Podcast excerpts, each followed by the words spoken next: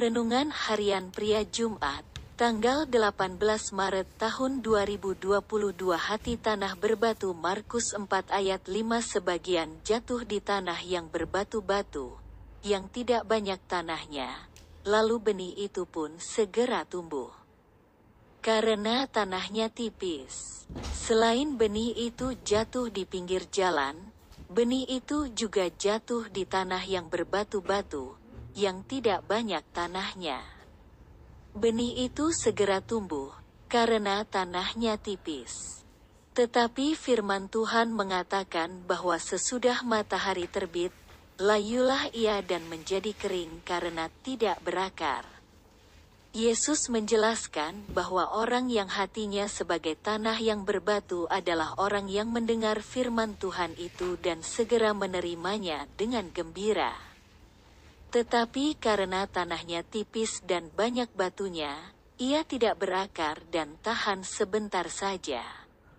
Karena masalah dan tantangan, orang itu segera meninggalkan Tuhan. Mendengar firman Tuhan itu baik dan menerimanya dengan sukacita firman itu juga baik dan bahkan sangat baik.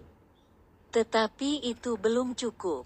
Karena firman Tuhan itu harus tertanam dalam-dalam di dalam hati kita.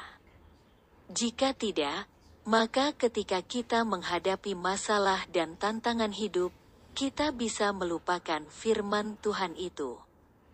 Dan firman Tuhan itu menjadi tidak hidup dan berkuasa di dalam kehidupan kita. Jadi sangatlah penting untuk mendengar menerima dan membuat benih firman Tuhan itu tertanam dalam-dalam di dalam hati kita. Jadi renungkanlah firman Tuhan itu siang dan malam serta lakukanlah setiap hari. Maka firman Tuhan akan tertanam di dalam hati kita. Refleksi diri, apa yang firman Tuhan katakan kepada Anda? Bagaimana kehidupan Anda dengan firman Tuhan itu?